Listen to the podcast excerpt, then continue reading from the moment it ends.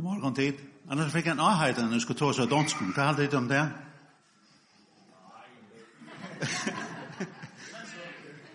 Hva sier du? Vi taler dansk. jeg tænkte på, da vi havde lovsang, er det ikke fantastisk, at vi er sammen som faktisk en familie, kan lovsynge og prise herren?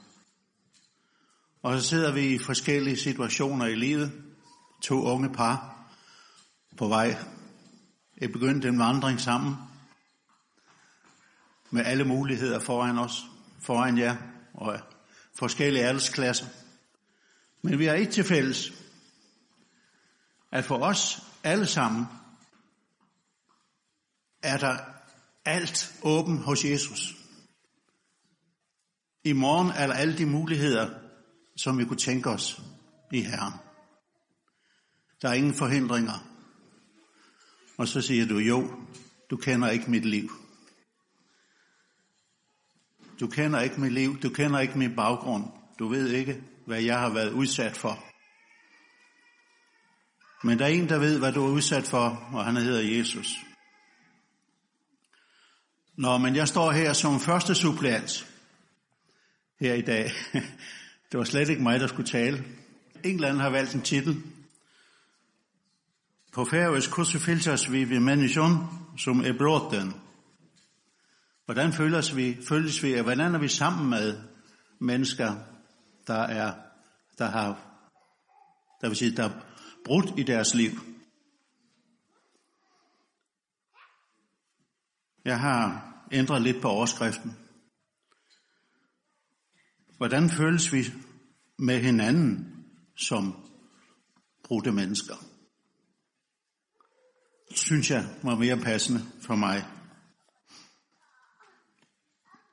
Og nu har jeg kun de færøske skriftsteder her. Galaterbrev 6.1 siger, Brøder, om nu onkur skulle være tidsen av foten, av onkerens synd, så hjelper honom til rattes tit andalit vi spærkførsante og suttje til tun sjåls at disse eisene du vær frestaur. Bær hver annans bire og oppfylle såleis lov Kristusa.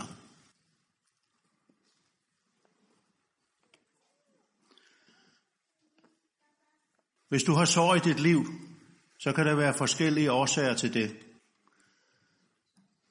Enten har du gjort noget selv, som du, som du fortryder bittert. Der kan også være andre, der har gjort noget mod dig, som du ikke har været herover. Men der kan også komme ting ind over dit liv, som du slet ikke er herover.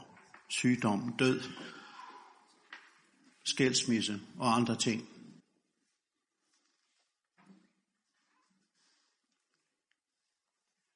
Vi mennesker består af tre ting. Vi har et læme, vi har en sjæl, og vi har en ånd. Og alle disse ting kan også have fået skader af forskellige årsager. Hvis vi ser på den klassiske eksempel med apostlen Peter, som er så nær knyttet til Jesus, så gør han nogle ting, som han fortryder. Så bitterligt.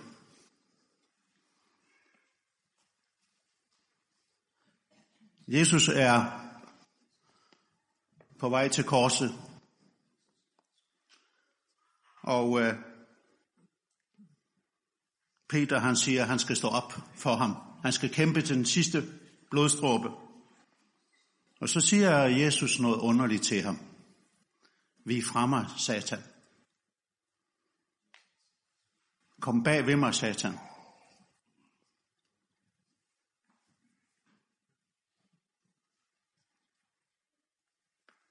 Jeg hadde gong ikke ordentlig at danskund, du har alltid skrivet først. jeg halte jeg må skifte i det, det gong ikke ordentlig. Hva sier til det? Nå er helt en... I Marskurs 8 sier vi, hetta sier han bant fram. Då tog Jesus han bort fra og får heva och ät honom. Men han vände seg vi, og hukte upp av søyna, syna. Hejar Peter og sier, vi att det om med satan. Tog du hukse inte om det som god hör til, men om det som menneske hör til.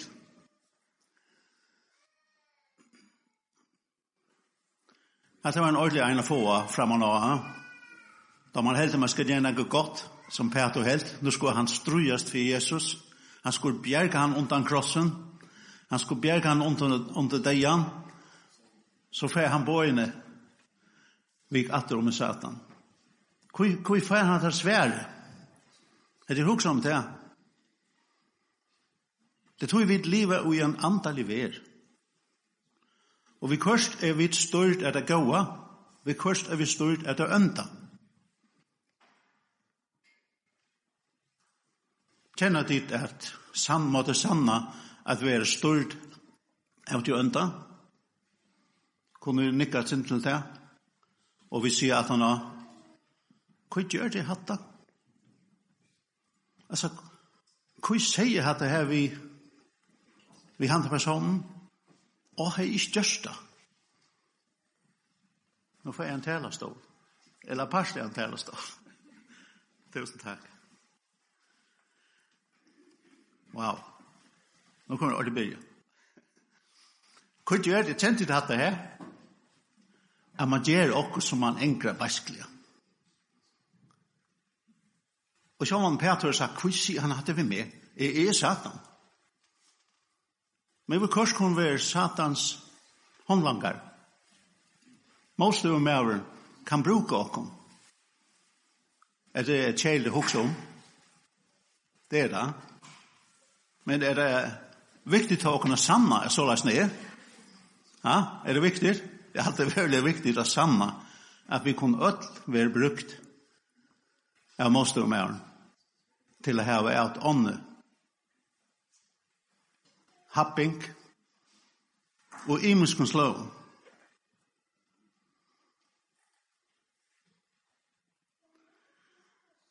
Så han får vite at han omboar satan. Og jeg må samle til at det er vi i baten. Jeg kjenner godt av det. At jeg har gjort ting som ikke er av god til gosse. Og så hendte det at Jesus var som, som vi dør vita, hamtidse og puska og så videre, som han eisen har selv har sagt han får være. Og Peter er inne i høvespressagæren, og Og han er finnes ikke vita, og han har en gale, tre fer, så er det han åkna med. Og hatt er eisen til å vite sier, hatt er fer aldri gjør. Hatt er fer aldri gjør hatt her. Jeg vet ofte han gjør og kjall lyfte, hatt er fer aldri gjør. Jeg får aldri tår seg ringt om nekan. Jeg får aldri, jeg får aldri gjør hatt. Da vil akkurat ha gjørst, ja. Så ser vi da det vi også kjall. Og han pæt og han fær ut, og kanskje Se, han stendte her i under 22, i Marsko kyrkan, og han får ut og græt baskliga. Baskliga. Ah, kunja det data. Ja. Vi gjør hver ting mot hver som, uh, som vi ikke skiljer. Og vi er enklare basklige. Vi er øyelig overført til at ta seg nil om hver annan. Vi skulle være nekk bedre og lytte hver annan opp. Jeg starver sammen med Amerikamannen anna tog jeg et år. Og her var en helt annan mentan enn det som jeg kjenner i Danmark og kanskje eisen i førren. Her okkar med hver annan. Hatt det var godt. Well done, my friend ah, I've never seen that before. You were tremendous. Og så, or, or som hatta.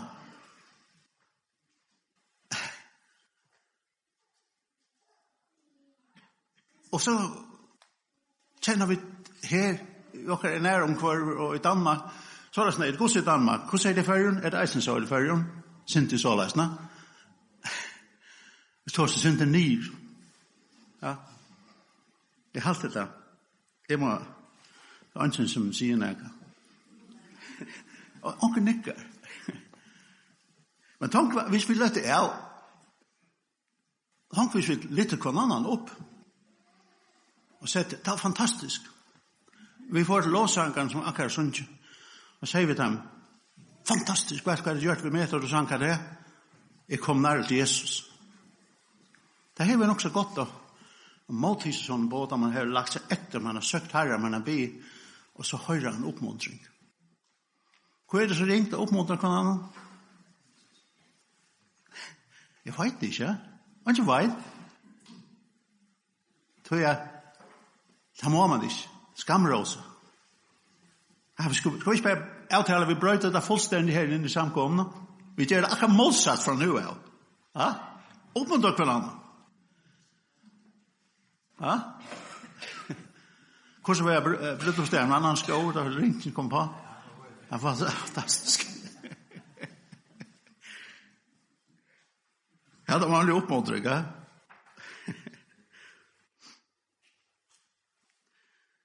Vi kvart så kunne vi ha gjørst ting mot åkken sjolve, eller ting i løy som vi det enkla. Vi nekker nekker er så igjen. Ja. Det var etna når jeg ångsterne. Jeg skulle be for en kvinna. Hun hei imiska trobeleika. Hun visste ikke hvor. Hun strøstes for bare i eit og anna. Og med vi sitte og ta sig ved og skal be for henne, så har jeg minns ikke det var etna eller mer, så har vi et lukka som fra god, halta vi. Spyr henne om hun har tidsi abort. Hun blir spurt om det, og Det var nekka det samme som at stinga en knuiv igjen. At det var en så forferdelig gråt. Og det er lige gønt her, når pakka det pent ned, gønt det for alt menneske, der som hun hei gjørst, som hun held til eisen om på å være skreft.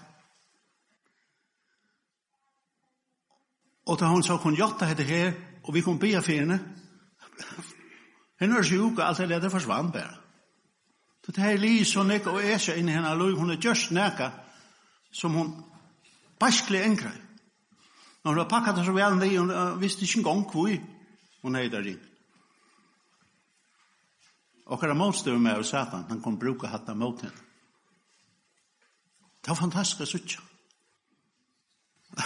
Knapplig. Puff. Så hun leiser hatt du. Hun er just nekka som bæsli engre som har avvirka alt hennar liv, men hun blir sett fri.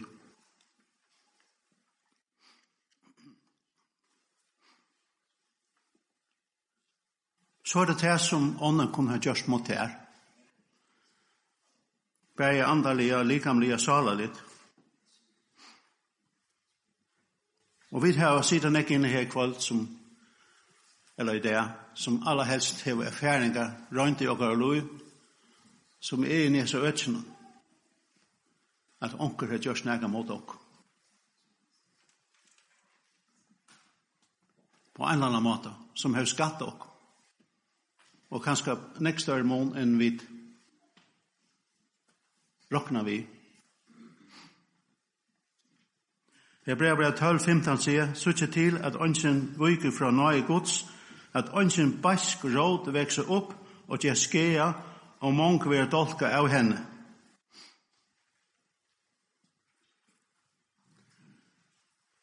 Ta onker gjørs mot her, det er veldig viktig å komme til at støve hva du fyrtjev. Og jeg sier ikke hvis du er utsett for en sest, det er ikke bare når man sier fyrtjev. Det er når en prosess man må arbeide i jøkken. Det er ikke når man gjør for det til dags. Men du må enda opp ved at du kom fyrtjøv.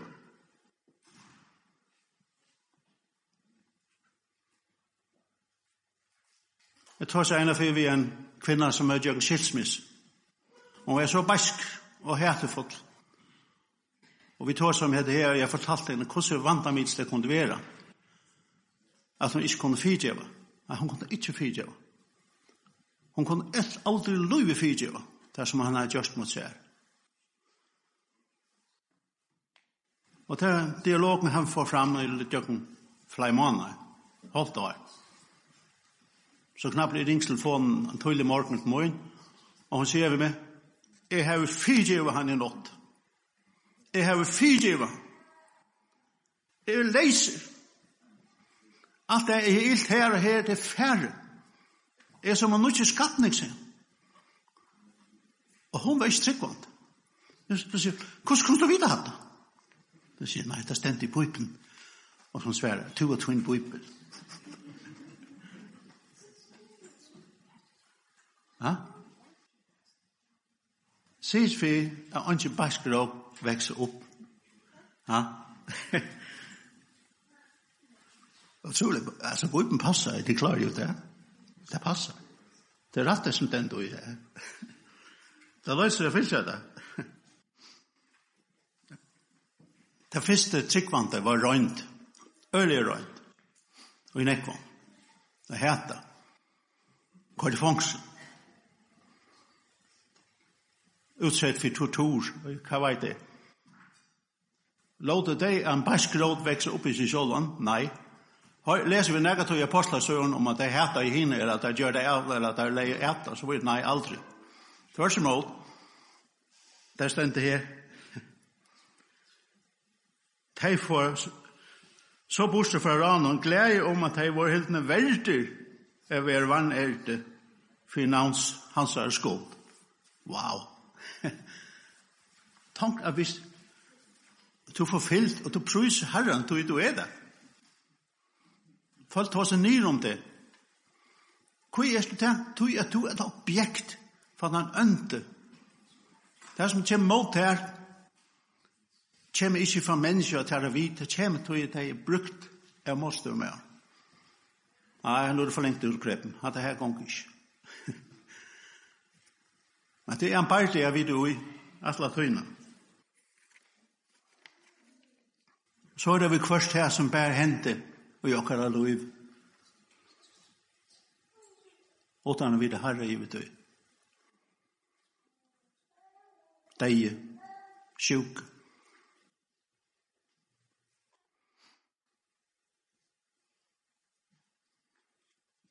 Emmaus vandrarna.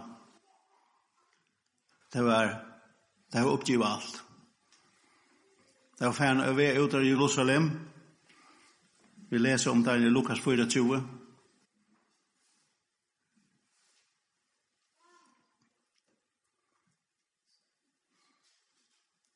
Og så kommer Jesus til deg. Og da forteller han, og han spør hvordan har det da, Vi har det rævligt. Det er ikke hørt det som er hent. Jesus er krossfestet deg. Ja, anker pastende han har ryset opp at. Men nei, alt vågner ute. Og han begynner å ta seg ved deg, speklet. Og det enda vi det kom. Det blir han inn om. Og knappt det suttet det i Jesus.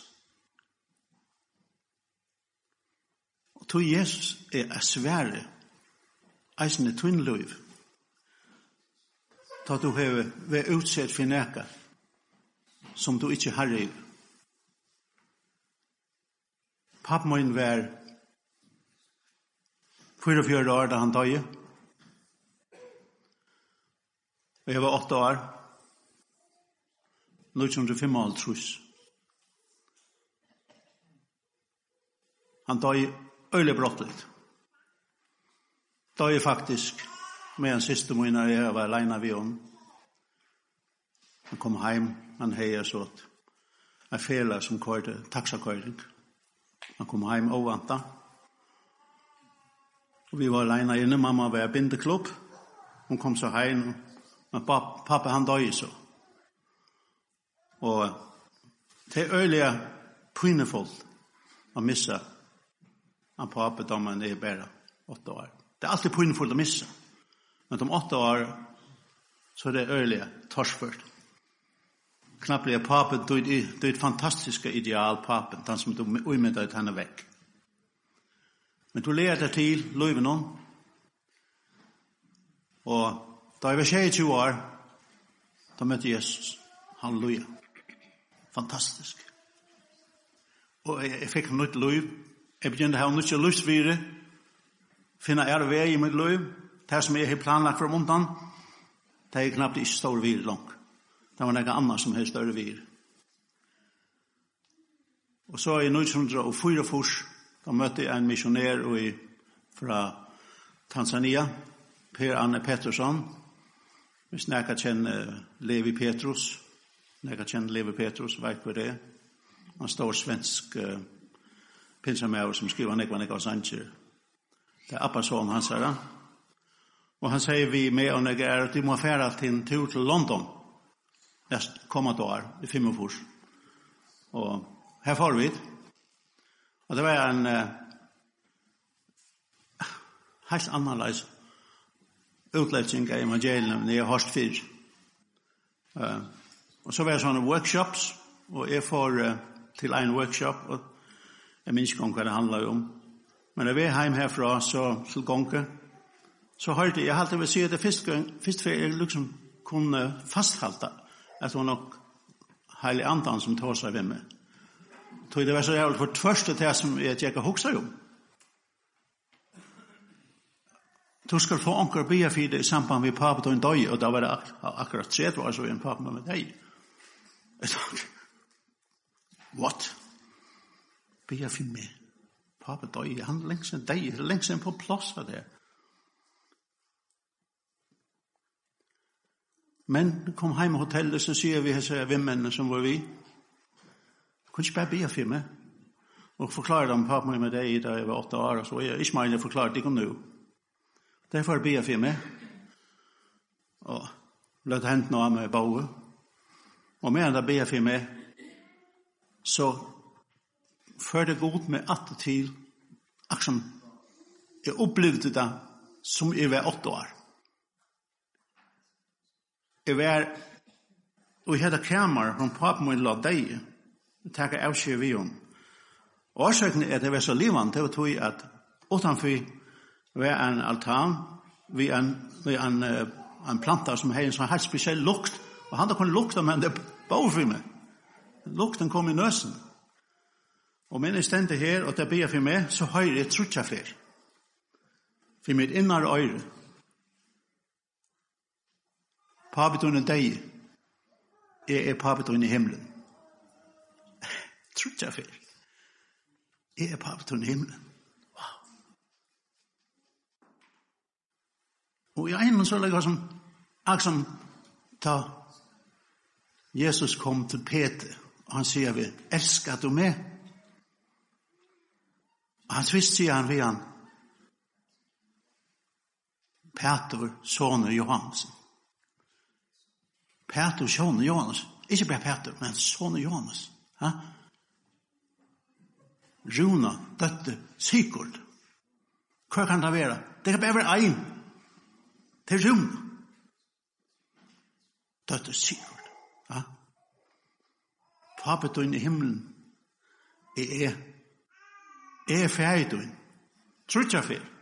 Hørte det. Og det var akkurat som alt er sånn at leip er med. Og det kom heim til førja etna vi er, så sier han, hei, hva er hent vi det? Du annerleis. Hva er du annerleis? Jeg vet ikke, fortell hva er hent. Jeg vet ikke, klar ikke, det er så bort, jeg tar klar fortell jeg det. Arne som tror du. Jo, sier hun, jeg vet, jeg vet hva det hent. Hva det hent, sier Du blir en heil. Blir en heil, sier kommando vi. Ja, du blir en heil. Det var akkurat som, det var Preben Arun, at det Preben Atana. Du blir en heil. God har sett meg sammen, så sier jeg, altså god i tret vi har. Og så sier god ved meg, men du er ikke klar for nå, du skilder ikke dette. Og han sier vi, Peter, elskar du meg? Og han sier vi, for jeg presiserer det, så sier han hvor papen er. Hvis jeg sier, Jekvann Zachariasen, soner Zacharias, hva kan det være? ja, bare en, Rune, ja. Etne Haberg, døtte Peter Haberg. Øtt vita hva det er. Ja, det er bare hon. Det kan ikke være gammal. Så precis er god. Han stærfeste hver vi er i honom. Og så kan vi da fære jøkken løyingar og røynter av ankomstlega sjuke, så er han nær til okkom. Vi andas inn og forløyse okkom, sette okkom fri. Sjål ting som vi ikke i vi kommer inn i okkar løy, kom inn i vi tøyt løy. Du mist Du blir en åretvis behandla. Du pura og skildig. Hente ting du løy som du slett har i, som man ikke faktisk atla, men det hente bare.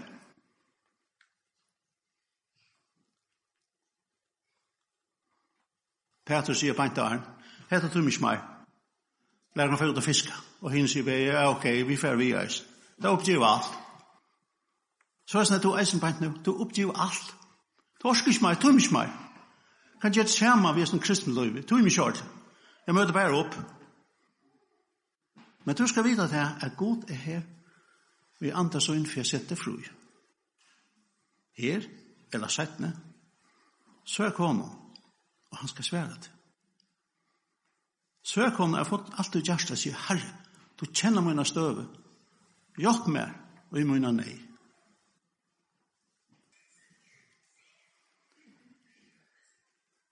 Tank hvis vi kunne blå og lykke at jøkken sikte som Jesus var.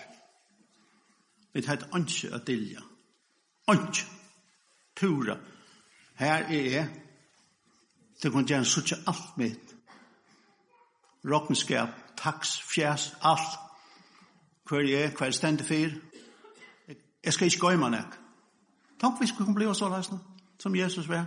Ta tjall jøkken siktig.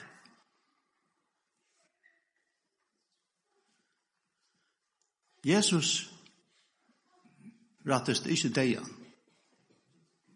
Han rattest ikkje pynen av krossen. Han rattest ikkje neklene, naklene som han visste skulle gjøre hendene og føttene. Han rattest eit. Det var han løta han røpte Hvor er du fjern fra meg? Så han har alltid haft så tatt samband med ferien.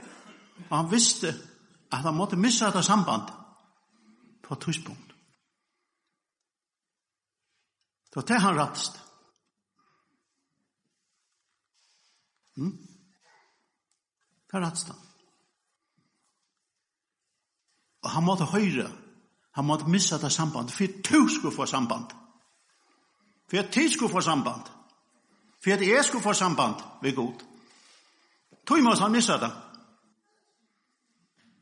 Det var ikke sjå pynen som vi skulle hoksa om. Vi skulle hoksa om at han var villig til å missa samband i ferien som han alltid var saman vi, ja, alla ævnleika og skal var saman vi. Han måtte missa det. Og her er nekka garanti for han kom at det ut av samband. Samband på uten nei.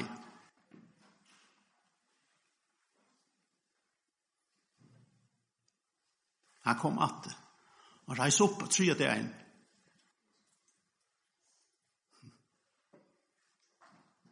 Og to skulle eisen, vi skulle eisen reast og missa samband ved ferie. Vi skulle reast det at kun det er ikke har samband ved god. Det var det som vi skulle kære om og være gav vi at vi ikke missa samband. Er vi det? Er vi det? Han spår ni stendt opp her i morgen for meg, for tikkum. Er dit bensin for meg så sambandet ved Jesus, ved Gud. Er vågnet det. Er det. Lært alt oppleve Jesus freaks. Helt ut i fingerspysene. Og tilby ham. Og der kommer vi gjerne med løte. Men sjålvandet at han har møte, hvis nekka hetta her tala til tøyn, eller okkur annan likta av hjärsta, så er forbøn, samrøve, forbøn, her i 18.4 her. Så takk fyrir.